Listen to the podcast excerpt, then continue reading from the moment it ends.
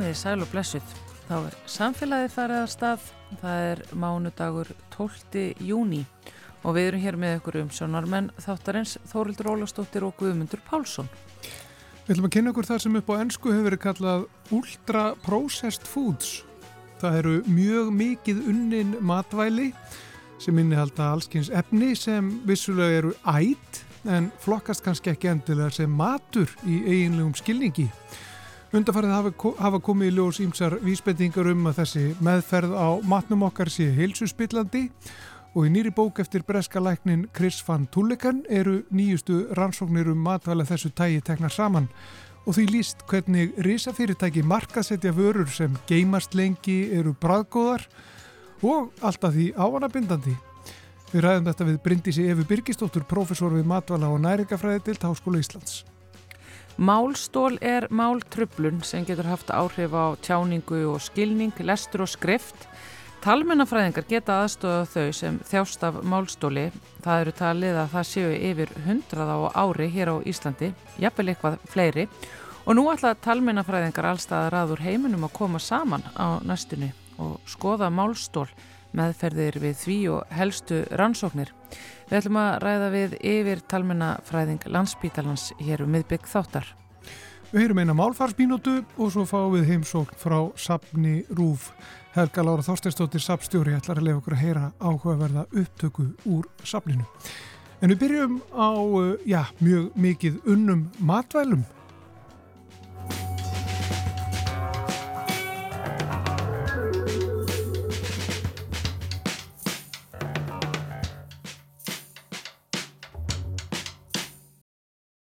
Við ætlum að tala eins um uh, mat næstu mínútundar, við ætlum að tala um mikið uh, unnar matur. Þetta sem upp á ennsku hefur verið kallað ultra processed foods. Uh, þetta eru matur sem að innihalda efni svona, sem, að, sem að ekki allir eru uh, vissir um að, að séu endilega mjög holl og uh, vísbendingar um að, að mörg þessar hefna geti bara hreinlega verið hilsuspillandi og uh, það eru alls konar kenningar uh, uppi um það. Og nýlega kom út bók eftir uh, lækni sem heitir Chris van Tollekan og svo bók heitir Ultra Processed People og það er hann að kafa svolítið djúft í þetta.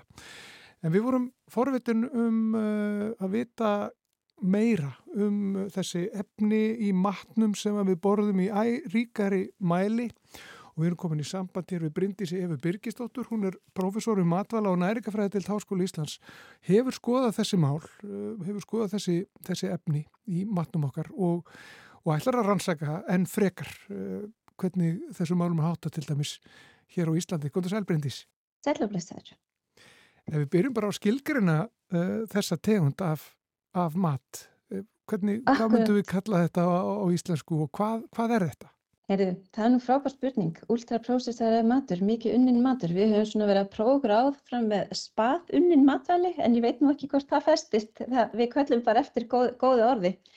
En skilgreiningin er í raun svo að horfa kannski á matin okkar með aðeins nýjum glerugum og horfa á hann út frá bara vinslunni á honum og hérna það, Monteiro heitir nú vístamæður sem byrjaði á öllu 2012 Og síðan þá hefur í raun bara fjölgað í hópi hérna, eða ég kynntist honum 2012 á ráðstöfnu og hérna e, fjölgað í hópi þessara greina eins og þú segir þar sem við sjáum að þessi tegund matar hefur bara mjög skýr og sterk tengst við hjartasjúkdóma sikursíki, jafnvel geðhelsu krabbamein, um, háþrýsting, Um, það er svona þar sem, þar sem að, og, og nefnbaran dauða, þannig að þetta er nú svolítið alvarlegt mál eins og þú, þú bendir á.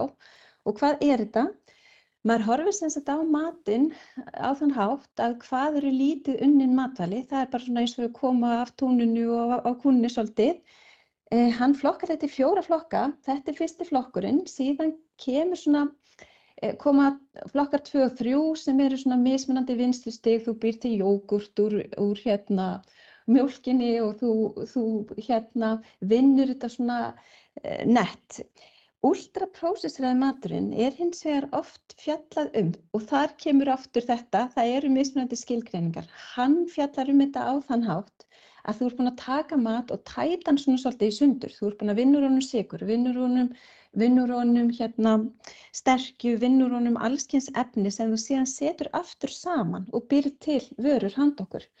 Og það sem er kannski, þetta er það bara eins og kökur og ís og og, gós og þess áttar, En það sem kannski, ég veit ekki hvort kemur fólki þá aðeins meira óvart, að hann er náttúrulega líka að horfa á að í þessum flokki eru mörg algeng brauð, mikið algengum morgumkornum.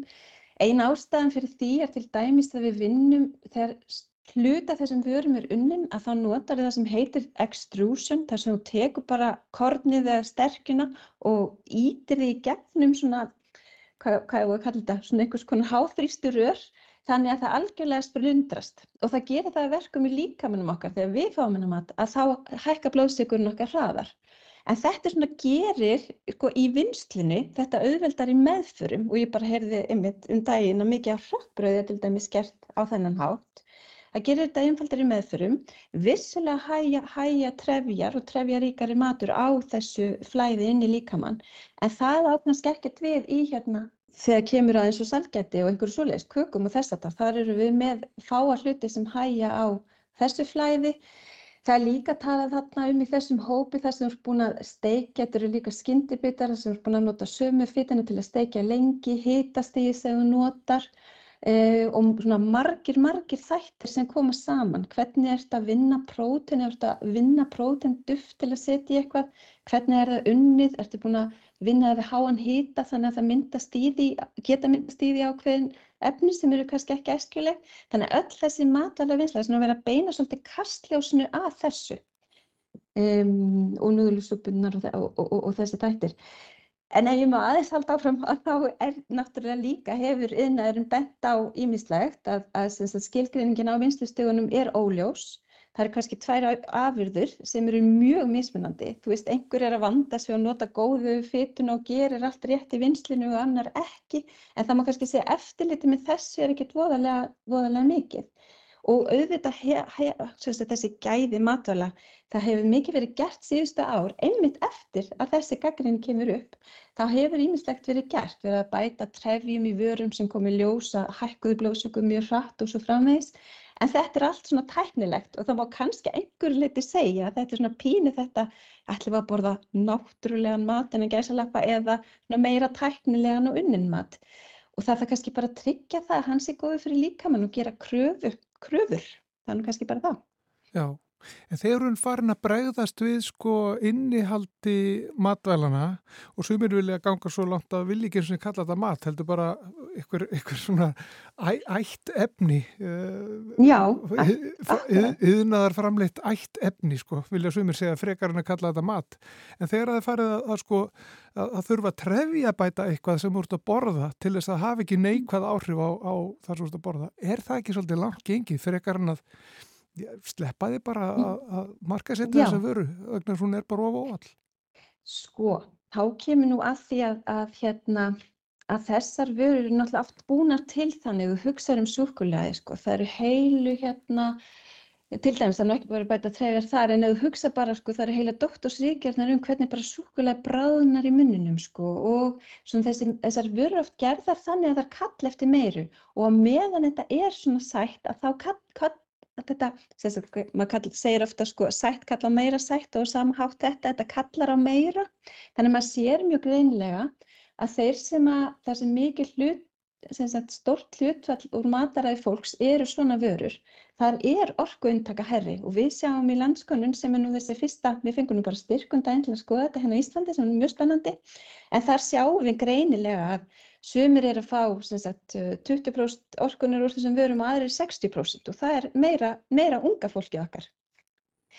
E, þannig að það má, jú, það má kannski segja það, en þetta hefur nú verið stundað í mörg ár að, að stilla matinn af ef að maturinn er hugsaður sem eitthvað svona hotlusta og eins og hann bendir á í bókinni, þú veist, ef það stendur, sem ég, ég hlusta hann bara viðtal við hann, en, en sagt, ef það stendur hotlusta þá er það oft einmitt verið að hérna, stilla matinn svona af á meðan að það er náttúrulega ekki gert þegar um er að ræða salgæti eða eitthvað, eitthvað þess áttar. Mm -hmm. En mér finnst þetta mjög skemmtilegt að því að sko, er, eru gummibirnir, eru þeir matur? Þú veist, myndur þú segja að fá þau nú að borða, gú, veist, líka orð, orðfærið okkar um þennan mat er þetta alltaf áhugavert og eins og við tölum um maðan sko, óhaldin matur, er það óveikt, eða segja þetta er matur sem að hérna fer ekki vel með líkamanninn, skilur mm -hmm. hvernig, hvernig við tölum um hann og það kannski vekur fólk meira til umvöksunar, og það að lesa á umbúðir, að hérna, að fá svona, segist alltaf góða mynd af því sem maður er að borða er alltaf bara, það er alltaf bara góð, góð hugmynd. Svo varst hann minnast á þessi efni á þann, sko, efnin, sko, þau eru náttúrulega eins mismunandi þau eru mörg og frábært að það sé eitthvað regluverki kringum þau, þú veist, hvað maður nota í matin okkar og það þarf leiði og til dæmis E300 er bara C-vitamin sem okkur finnst bara eitthvað mjög vennilegt.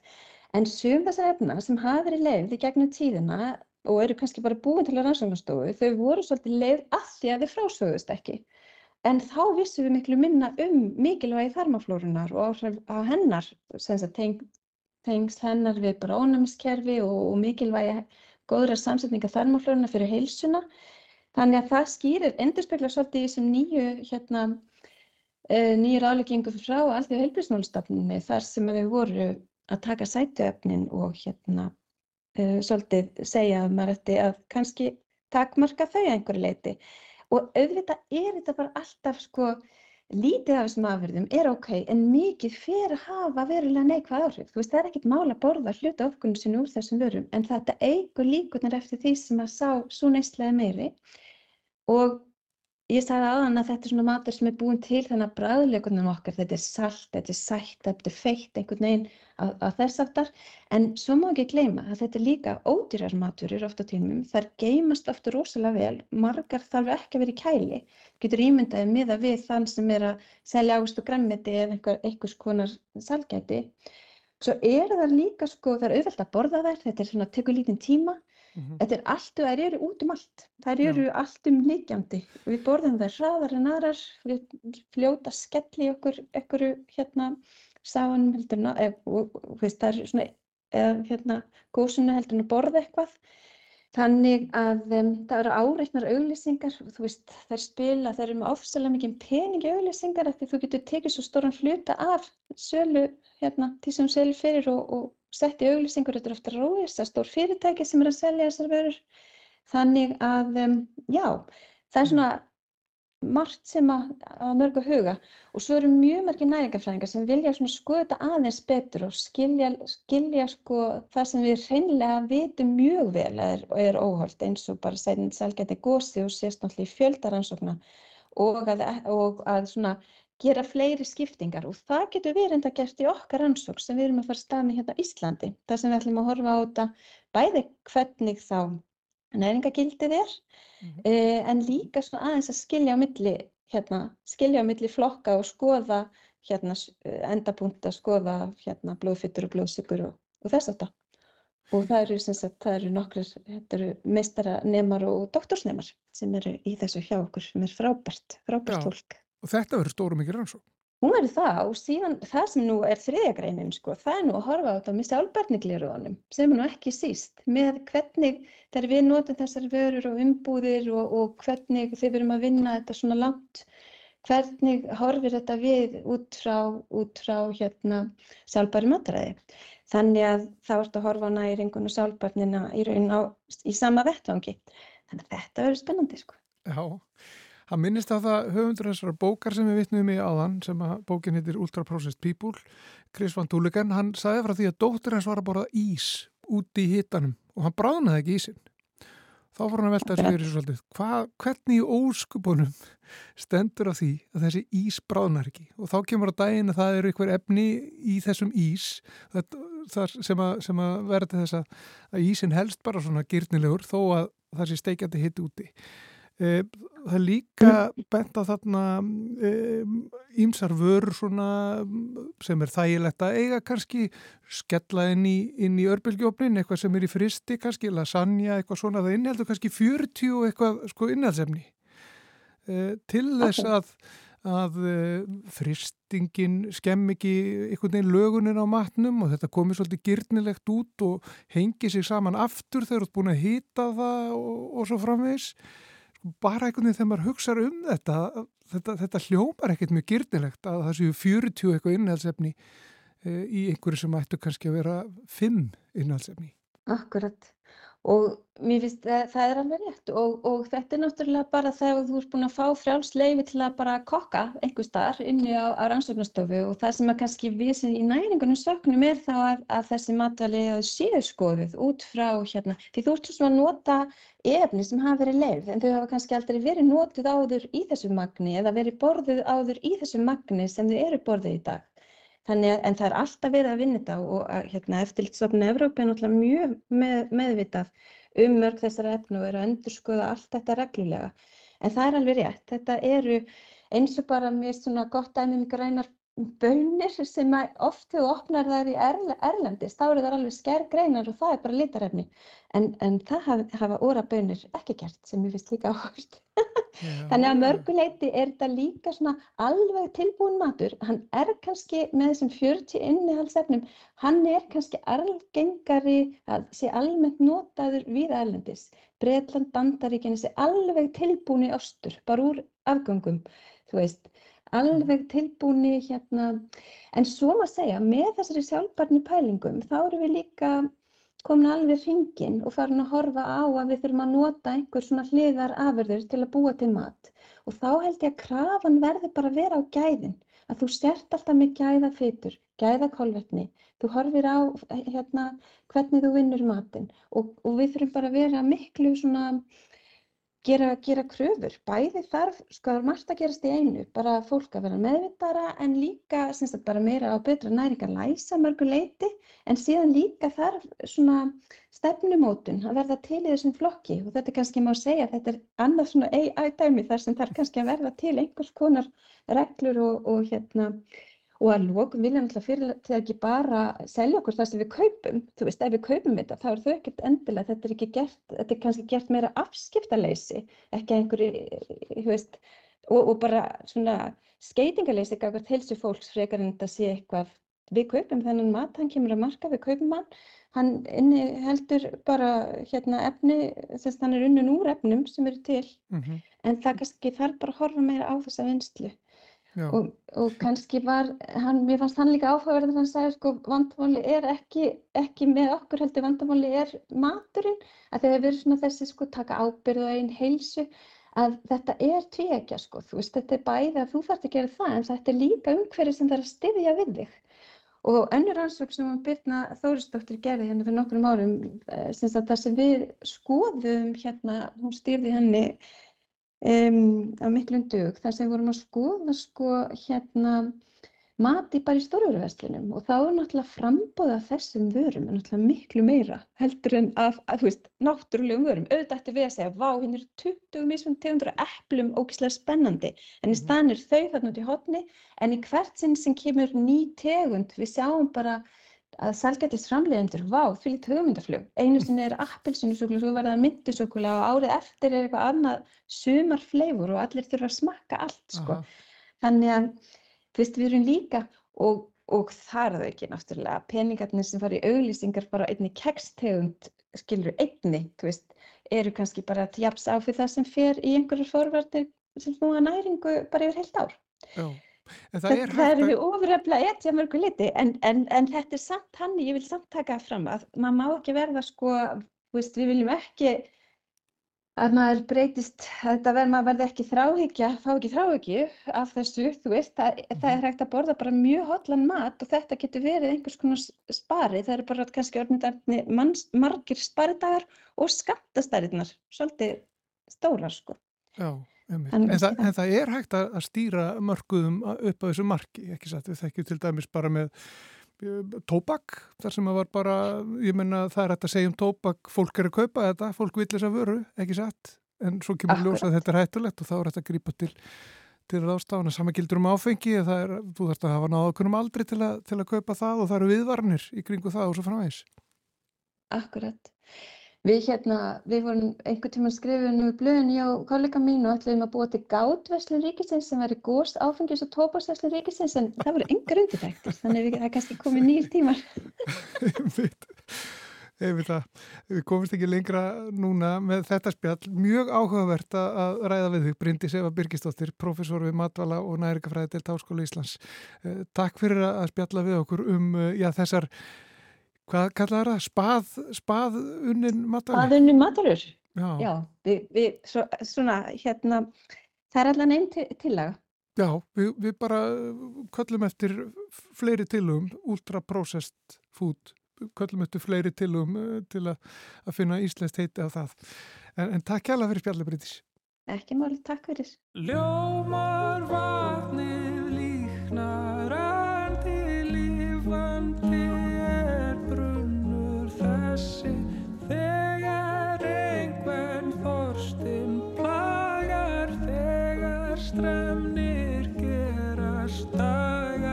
svölun alltaf vís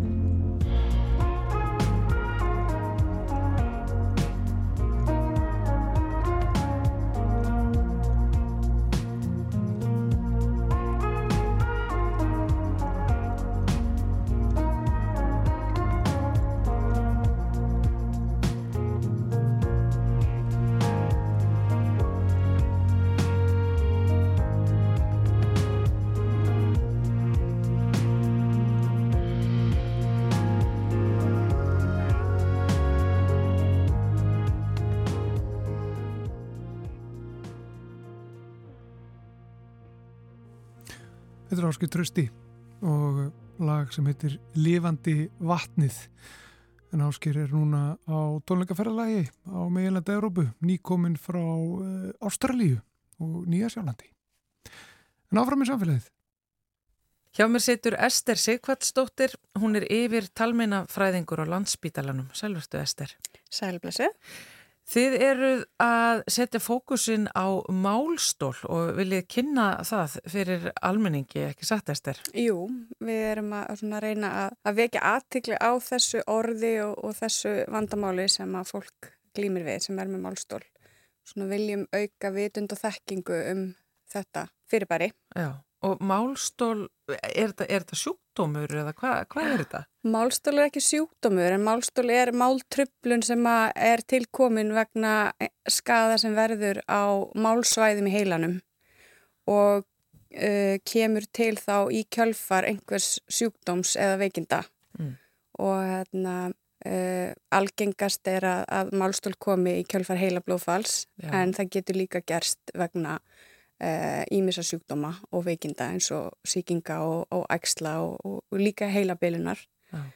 og málstól er eh, sagt, getur haft bæði áhrif á, á málskilning og máltjáningu og svona alla þá þætti sem að, eða allstað þar sem við þurfum að nota málið, lestur og rítun og bara öll samskipti Sko, gæti þetta þá bara verið þannig að maður er að tala og svo bara mann maður ekki komur allir að segja næst eða, eða maður lesa eitthvað orð og skilur það allt í einu ekki eða þá bara hvað mm. hættir að geta að lesa, hvernig lýsir þetta sér? Já, það er bara svolítið þannig og, og hérna uh, já, þetta getur verið þannig að, að hérna, fólk á erfitt með að kalla fram orð og, og það er hérna svona algengasta enginni málstóls og það sem að í rauninu vera svona allar tegundir málstóls eiga sameilegt og það getur lýst þér á marganhátt Um, og málstól náttúrulega getur byrst á svo mismunandi hátt og svo mismunandi alvarleika stegum. Einmitt. Þannig að hérna, sömur finna fyrir svona vægum erfileikum við að finna orði í, í hérna kannski krefjandi aðstæðum og meðan aðri kannski bara geta lítið sem ekki er tjásu með tali.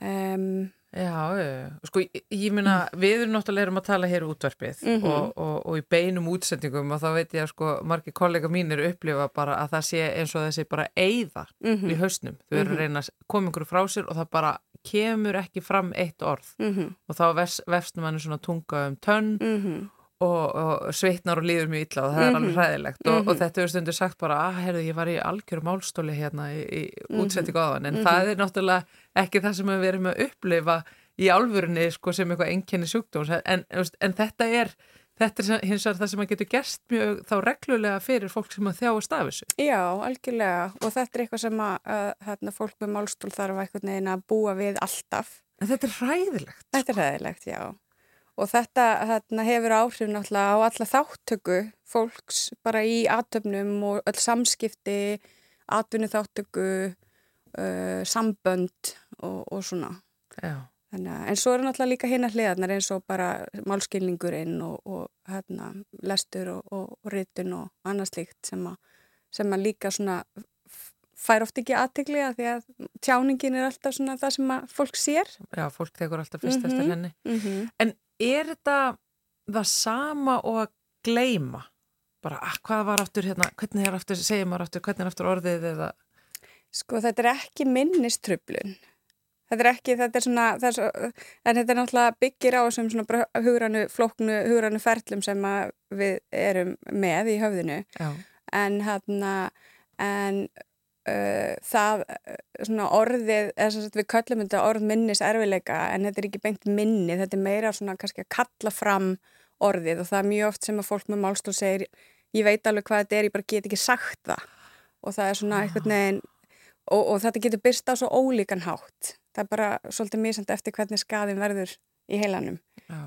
Hvernig, upplif, hvernig upplifin og erfileikunum er sko En þannig að þetta tengist á alltaf heila starfsemi og sjúkdómum uh, og einhver líkanlega ástandi sem hefur áhrif á heila. Já. Þú veist, eins og þú talar um heila blóðfall já, og svona. Já, akkurat, heila blóðfall og það eru svona ákveðin svæði sem eru, já, langt flestum í vinstra heilakveili sem stýra máli og tali mm -hmm. og, hérna, og þegar það verður ykkur trublun á þessum svæðum þá er útkoman oftast einhver máltrublun. Já og, hérna, og það geta líka verið síkingar eða ægsli en, og, og heilabilun Já. sem að hérna, getur þá valdið svona mál, enginnum í máli. Og er þetta þá bara einhver ákveðin svæði í heilanum sem að geymir tungumólu okkar og allan okkar málskilning og, og, og verður þá undir? Já, sko það er úrslega svona hérna, romantísk hugmynd og, og, og vissuleiti er rétt, það eru, þetta er ekki eitthvað svona eitt pínlítið svæði Nei, en það hafa verið svona skilgreind tvö mjög þekkt svæði sem er svona svolítið kennslubóka. Já, en, en svo eru bara svo, þessar taugatengingar fram og tilbaka í heilanum og það er svo margt sem kemur sögu þegar við erum að tjá okkur, það er ekki bara að við ætlum að kalla fram eitthvað orð, við erum að gera svo margt annað skapandi og, setja þetta í samhengi og- og auðvitað notum við minnið líka á sama tíma. Þannig að þarna Það er allt í gangi. Já, og það er gert að tala um að sko málstól sé ekki trublun á, á, hérna, á vitsmunum eða eitthvað slíkt sem er, sem er rétt að því að það er ekki það sem málstól er í, í kjarnanum en það hefur, það er oft sagt að, að það hefur áhrif á kannski hæfnina til þess að nýta uh, það sem við höfum og vitum og kunnum að því að við getum ekki einmitt svona hérna, mótaða og formaða allt í huganum. Sko þú sem yfir talmennafræðingur á landsbítalanum og, og þínir kollegar eruð að reyna að vekja aðtegli á málstóli og, og auka meðvutund fyrir því í samfélaginu meðal annars með ráðstefnu og það sem að koma saman og ræða þetta á faglegan hátt. Hvað erum við samt að tala um að mörg verði fyrir málstóli á Íslandi á ári? Sko það hefur verið erfitt að segja nákvæmlega til um uh, tíðni málstóls, bara almennt, Já, af því að það er svo margar orsakir. einmitt. En þetta hefur oft, af því að, hérna, heila blóðfall er svona algengasta orsökin, þá hefur það verið svona, það hefur gerðan talið svona út frá algengi heila blóðfalls, hversu margir þá sirka eru að fá málstól samhliða sem afleðing á heila blóðfalli og þá eru við að sirka svona 90 á ári á Íslandi sem að fá málstól og þá eru náttúrulega ótaldir þeir sem fá málstól af öðrum orsökum. Já, þannig að þetta er alveg yfir hundra manns. Já, ég myndi alveg trúa því. En þurfum við þá að þekka enginni málstóls bara eins og við þurfum að þekka enginni hjarta áfalsa þegar við sjáum uh, mannesku strögglega eða upplifum einhvern nán okkur strögglega við orðin eða þessa tjáningu alltaf þá, þá er það bara, að, heyrðu, þetta er, getur verið vísbending um eitthvað annað. Já, það er allavega alltaf gott að, að leita til læknis ef að það verður skyndileg breyting á því hvernig einhver tjáir sig eða skyndileg breyting á því hvernig einhver er að meðtaka upplýsingar, uh, svona málegar upplýsingar og þá er það gert að merkjum eitthvað sé að, Já. þannig að það er, þarna, það fer oftast ekkert á milli mála. En er málstól kannski ekki svona, veist, ef það þróur svona smátt og smátt, eh, byrjar lítið í byrjun og ekst síðan, Mm. Veist, er þetta ekki svona eins og þau sem að upplifa sko minnisleysi sko að, að hérna, þau einhvern veginn bara svona venjast þessu eða, eða neita að horfast í augu við þetta eða, eða líta framhjá þessu og, og, og, og, og aðstendendinu líka og þau einhvern veginn svona bara endur uppgöta normið í síföllu. Þetta er svona eins og að vera svoðin hægt í potti. Já, algjörlega. Jú, og það er, veist, það er náttúrulega ekki það sem gerist af einhver frá heilablóðfall. Það er svona skyndileg Já, breyting. það er skemmtilegt. En jú, ef þetta er uh, tengt heilabilunsjúkdómum til dæmis, Já, þá er það gjarnan þannig og, og, og öll svona einkenn sem koma svona hægt og rólega getur fólk uh, orðið svolítið svona samdöina og vanist því að lifa með og, og, hérna, og svona finna einhverja leiðir bara til þess að annarkvort að svona fela það ósálrátt eða komast fram hjá því en svo kannski kemur einhverjum tímapunkti þar sem að þú ræður ekki við það lengur Já. og það er svona þá orðið kannski fleirum en þér ljóst að það er eitthvað að þannig að jú, það, er, það getur þá verið að fólk sé komið svolítið langt uh, og komið svolítið mikil enginni þegar það kannski leita sér aðstofar já. En er hægt að laga málstól eins og þú vinnur hjá landsbytalanum? Mm -hmm. Er Mhm. það að taka til eitthvað sjúklinga og, og, og, og, snúa eh, þessu þróun og ástandi við þá eða? Já, sko uh, það er gerðnan sagt að málstól sé krónist vandamál og, þá er kannski einmitt á átt við það að það flestir sem að fá málstól finna fyrir því á einhvern hátt uh, alltaf um, en málstól eftir heilablóðfall og svoleiðis svona, sí- hérna, hérna, skyndileg veikindi þá er náttúrulega einhver sjálfbrotin bati eh, sem á sér stað bara maður er að jafna sig eftir veikindi heilin er að jafna sig eftir þetta áfall og uh, heilin er svo sveigjanlegur og hann er sífælt að mynda nýjar tengingar þannig að við hérna, styðjum fólk í að vinna samhliða, vinna að sínum bata, samhliða þessum sjálfsbrotna bata Mhm. og, og síðan eru ímsar uh, leiðir sem að hafa verið rannsakaðar sem eru hjálplegar til þess að hérna, uh, þjálfa upp aðferðir til þess að sækja orðin í, í orðasafnið og, og hérna, uh, já, bara þjálfa upp eitthvað sem hefur fengið málstól, já. Já.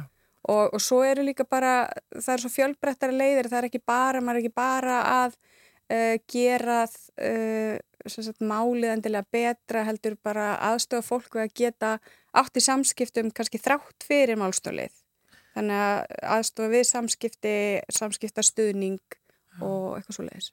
Að málstól er í rauninni ekki byrtingamind þess að fólk hafi misniðu greind eða, eða, eða þetta er einhver persónleika breytingar á fólki. Það er bara búið að taka burt frá því verkfæri til þess að tjá persónleika sinn og, og vitsmunni. Já, með tali, Já. akkurat. Og þá eiginlega bara einmitt, hvað Já. maður þá eftir með, sko, þetta er akkurat, nefnilega svolítið, Já, sérstaklega ef þú hefur vanið, hefur getað lifað alla þína æfi í tjáningu. sko. akkurat, já. Það er bara mjög Já, fyrir fólk. já, og það er líka mjög algengt að þeir sem að uh, fá málstól, þeir eru miklu líklega til að upplifa kvíða og þunglindi og, og þannig sem, Bara sem einkenni einangrun, eftir, hérna, eftir sín veikindi. já, Já, félagslega einangrun er mjög algeng og, og hérna, en já, við erum hérna, það er ímislegt og, og mjög margt hægt að gera með talþjálfun og hún getur verið mjög fjölbreytt eins og segi, ekki bara, uh, hún snýst ekki bara um að gera uh, það sem hefur orðið fyrir skada betra heldur að styðja við samskipti á svona breyðum grundvelli. finna aðra leiðir. Finna aðra leiðir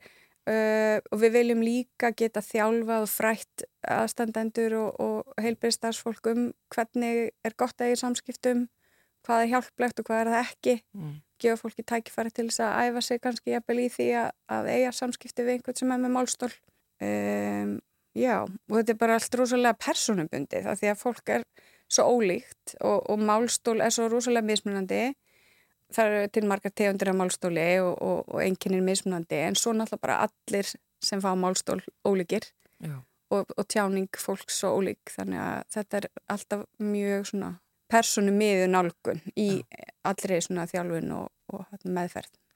Mér langar svo að spyrja þig, Ester, af því að sko það eru náttúrulega mörg sem að bara kannast við málstól úr fréttum og, og Mhm. það er náttúrulega alveg afskaplega fræg manneska sem að hefur glind við málstól Mhm. uh, nýlega og það er Mhm. náttúrulega stórleikarinn Bruce Willis og, hann, og hans fjölskylda og aðstendur Mhm. mm hafa talað mjög opinskátt um, um hans málstól Já, en, en, en sko hvað er í gangi þar? hvað er í gangi þar?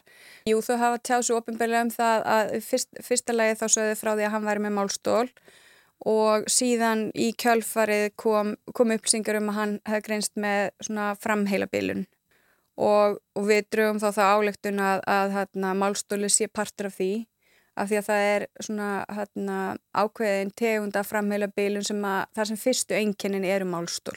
Ah, og, hérna, og það kallast uh, primary progressive aphasia og við kallum það hérna á Íslandi gerðan hrörnunar málstól, það er svona orði sem við höfum verið svona aðeins að dund okkur við að nota og, hérna, og það er í raun og veru þannig að þá bara byrjaru hægt og rólega að fá máltröflunar einkenni og sem að vestna síðan og áður en að það komin einhvers konar minnis eða persónleika tröflun. Þannig að það er svona það sem skilgreinir uh, þetta frá og greinir þetta frá kannski öðrum heilabeilunar sjúkdómum. Já, og vakti náttúrulega aðteglega því að sko Bruce Willis er náttúrulega leikari, vinnur við að, að Já, tala og segja. Akkurat. En síðan var hann líka náttúrulega sko, hann var svona, vist, voru rosa skemmtilegu sagnamaður Já, og snöggu til svars og gaman við akkurat, kringum já. hann og, og svona aðsófs mikill og svo bara fór allt þetta. Akkurat. Þannig að þetta er alveg, það er bæði verið að taka frá honum eitthvað sem er einnkendan mikið sem mannesku og síðan Já. náttúrulega bara starfið hans. Akkurat. Og mjög eins og þú nefndir að, að þau hafa verið mjög opinn með þetta og, og einkonans uh, í dag er með uh, þarna, uh, svona mikið á samfélagsmiðlum að tala um þessi hluti Já.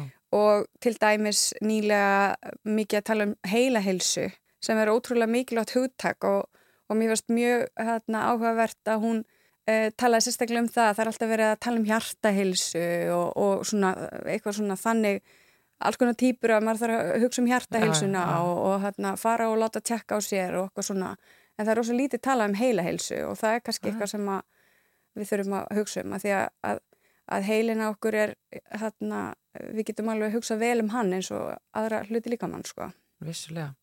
Ester, eh, annars sko að þegar við erum að tala hér um málstól og, og þá vinnur sem að þú meðal lands vinnur upp á landsbítala og, Mhm. og, og þar þá með fólki sem að hefur fengið heila blóðfall eða, eða einhver önnur sem að ítur undir málstól. Mm -hmm. Talminnafræðingar gera það en, en eh, sko það, það er líka nefnilega þeir eru líka svo mikið að vinna með litlum börnum sem að, Mhm. veist, kannski kunni ekki að segja R eða L. Þú veist, er þetta, er þetta algjörlega tvö ólík svið að það tengist eitthvað vinna með málstóli og vinna með hérna krakka sem að kann ekki segja R Nei, þetta er, þetta er, mjög, þetta er mjög ólík svið og, og þetta er eiginlega bara, þetta er orðin svona svolítið bara sérhafingi sikkur áttina sko. Já, já, einmitt, já og hérna, það eru auðvitað alveg ykkurir sem að vinna með hérna, bæði börn og fullorðna og, og hérna, en það er, ég held að ég get alveg sagt að það sé alltaf að verða svona aðeins meiri sérhafing uh, og kannski eftir sem að svona stjættin hefur aðeins verið að stækka hægt, hægt rúlega þannig að þetta er mjög ólíkt og, og hérna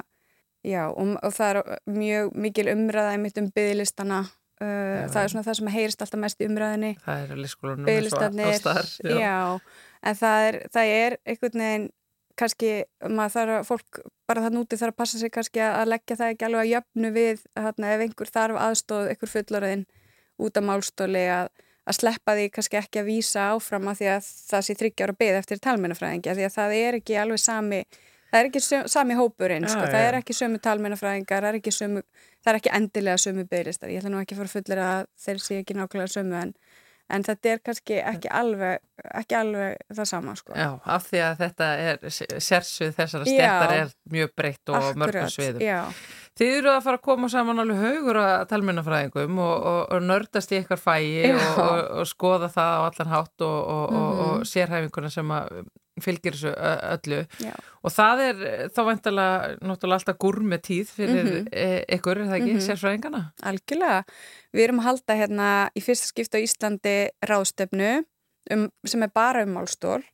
og þetta er norræn ráðstöfna uh, sem heitir Nordic Aphasia Conference og var fyrst haldin í Oslo 2006 og hefur síðan verið haldin annarkvært ár og við erum í fyrsta skipti að halda þessa ráðstöfnu hér á Íslandi og uh, við erum bara, fengum hérna svona góðan meðbyr og, og erum að fá 200 ráðstöfnu gesti Mm. sem að eru bara að fara að tala um ráðstöfnu, nei, tala um málstól í uh, þrjá daga og hérna og við erum að fá þótt að þessi norran ráðstöfna þá er svona helmingur ráðstöfnu gesta frá Norrlöndunum og, og svo er þetta fólk allstaðar á heiminum við erum að fá stórun hóp frá Ástralíu og, og hérna, þannig að fólk er að koma langan veg Mm. og við erum einmitt að fara einblíðan svolítið á svona málst, alliða málstóls meðferð og hvernig við getum brúa svona svolítið bila á milli þeirra sem er að rannsaka og þeirra sem er að vinna í vinna með fólki með málstól. Þannig að það er svona þemað okkar í ár Spennandi og greinilega mm. næg vinna framöndan. mm -hmm. Ester, takk hella fyrir að koma ynga til okkur í samfélagið og kynna þetta fyrir okkur. Já, takk. Ester Sigvarsdóttir, yfir talmennafræðingur á landsbytalanum. Já, takk fyrir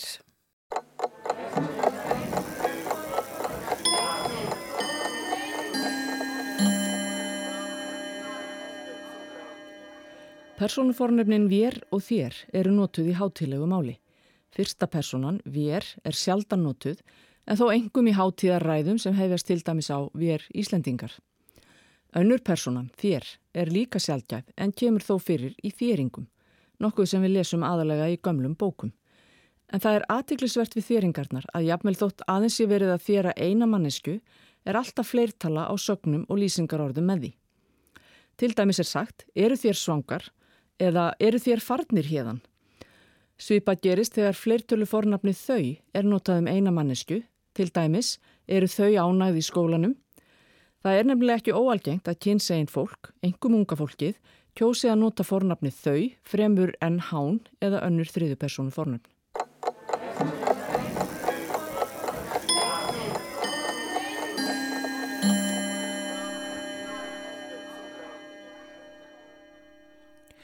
Málfarsmínúta með önnu Sigriði Þránsdóttur að baki og þá nú komið að öðrum uh, góðum starfsmanni hér hjá okkur Rúf.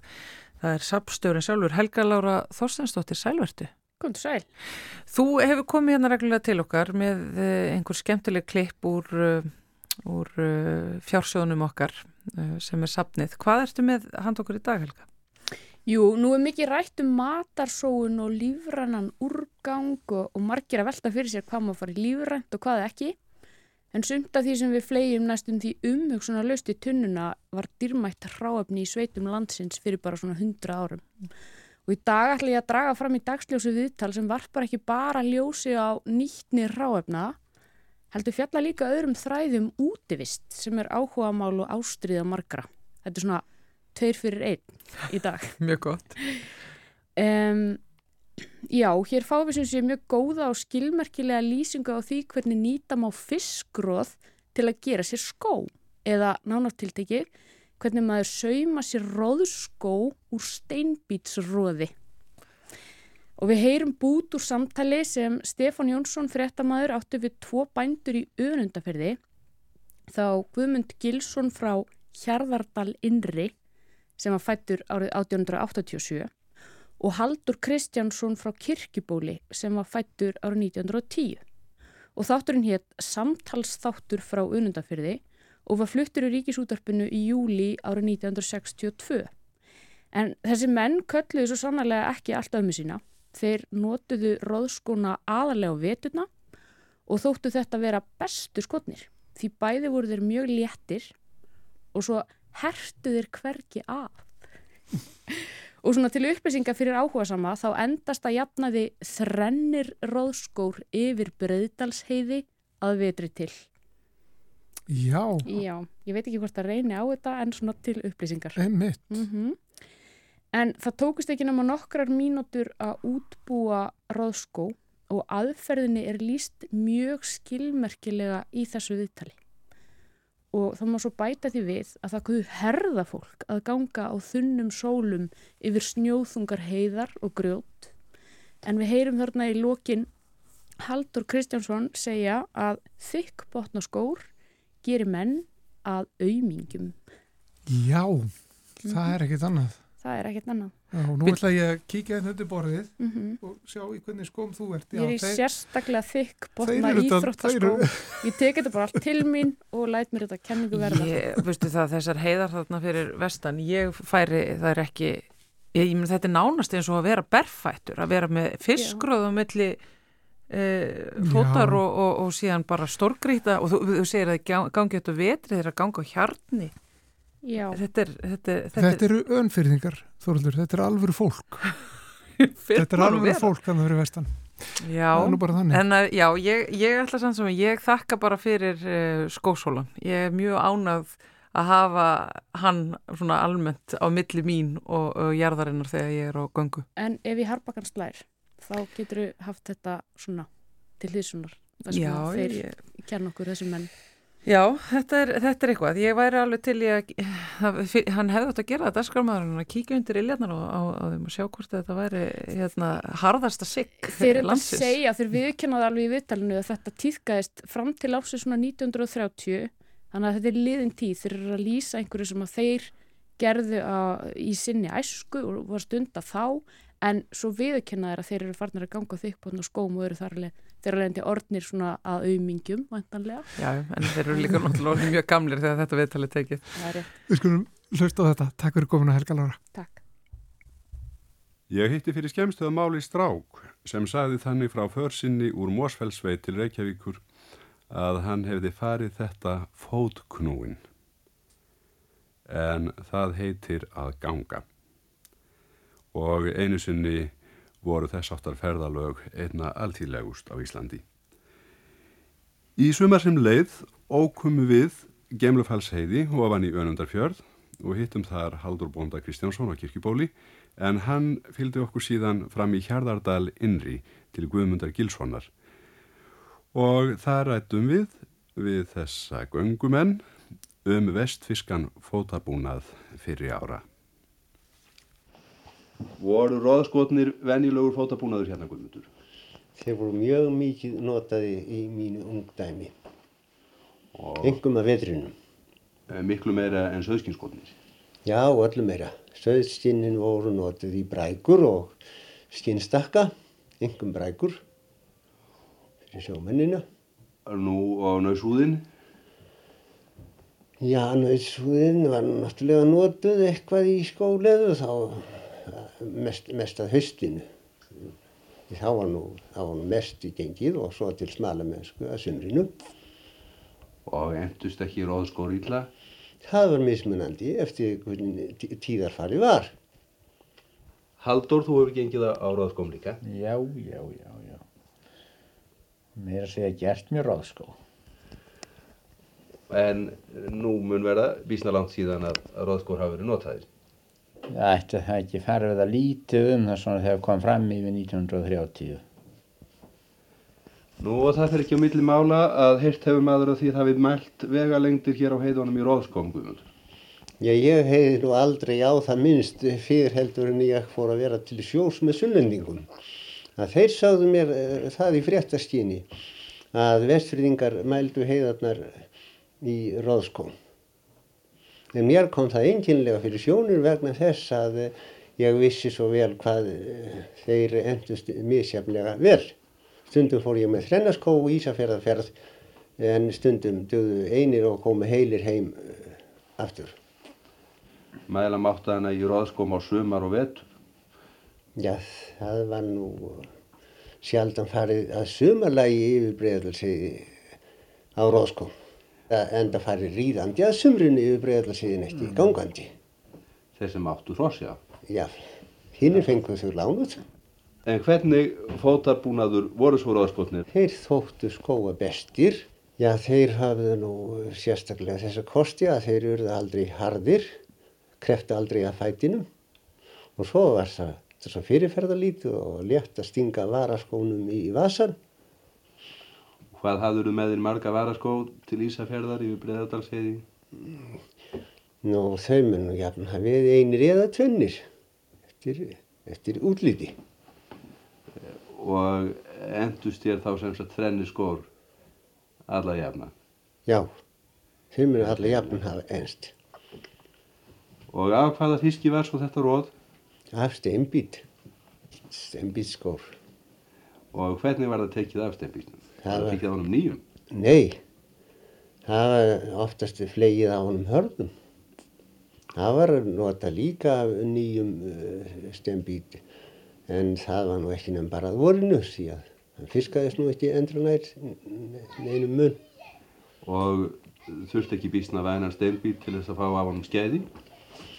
Ég held að allir meðal steinbítur eða stærri hafi dugað vel í eitt skó, hver, hver helmingur eða steinbítnum í báða skóna. Og væri steinbíturinn stór þá var hægt að nota á krakkana aftan af róðinu. Þá hefur nú verið ærið, ærið verk að skóamenn til Ísafjörðarferðar hérna úr Raunutafyrði. Nei, þær voru fljótar gamlu konar að búa til róðskóna. Ég um, veit að föðursýsti mín, hún hefur ekki að jafnaði verið tíu mínútur að búa til parið. Að hún hefði skektið til Ísafjörðarferðar á hálftíma. Já, já, það er alveg örugt. Hvað ert þú lengi að, að sveima róðskó, Halldór? Ég veit það ekki, ég hef náttúrulega aldrei verið mikil hannirðamaður en, eh, en ég gerði þetta. Róð er tekið þannig, það er tekið þurrt og því er aðeins brugðið í vatn og látið vera ofurleikla stund að jafna sig, svo hætti sé að það sjóði rægt og mjúkt og hætti að tegja það. Svo er gerður saumur og breyðari endan fyrir tánu, altså, altså endan sem framhefur snúð á skeppnunni, gerður saumur fyrir tánu og svo er þvengurinn þrættur í kring og látin draga stæður saman á hælinn. Saumurinn er ekki annars. Og uh, það var góður síður að fara sparlega með skólaðrið. Það var nú mikið um það að steinbítur væri nú hafður til matar og vorin. Menn voru við róðra og komu heim um helgar og höfðu þá með sér steinbít og þetta var haft svoðið svona fram til vikunni. Og þá var steinbíturinn flegin og róði breytt upp og þegar ég var strákur ef það kom fyrir ég var notað til þess að flá steinbítin í pottin þá var mér lagt ríkt á hjarta að skemma það ekki. Ég fengi að halda sinni fullri stærð og eru órifið svo var þetta breytt upp og þurkað og geimt þangað til að það við tekið svona til skóliður af vetrinu. En voru þið ekki sárfættir á ekki að grjóti á þessu? og menn höfum það eitthvað innan undir svo venst það meir, maður er ekki sárfættur ef maður gengur á þunnu eða, eða berfættur eitthvað þannig. Það er þetta, þessi þykku botna sem gera mann auðmingja og þegar meðan ég gekk á róðskom stundum á, á grjóti og þess aftar þá gæti ég gengið yfir, yfir ána til dæmis og þá þau bæri tvær stelpur sín okkur um handleg en núna kveika ég mér ef ég geng undir sjálfum mér berfættur einhvern tíma yfir þessa sömu á Á þykkum sólum. bara því maður hefur gengið á þykkum botnum sko, árun saman og vanur að stíga á nokkuð Já, maður uh, fyrir vissulega að hugsa vetrarferðalögin uh, öðruvísi eftir að hafa hlustað á þetta. Þetta er ágættis bríning á okkur ömygjana á, á sóluðum skóm. Það er nefnilega, við komumst ekki lengra með samfélagið uh, þennan daginn, uh, 12. júni, en það kemur 13. júni, hann rennur upp á morgun og þá verðum við hér, Guðmundur Pálsson og Þóruður Ólastóttir þanga til. Verðið sæl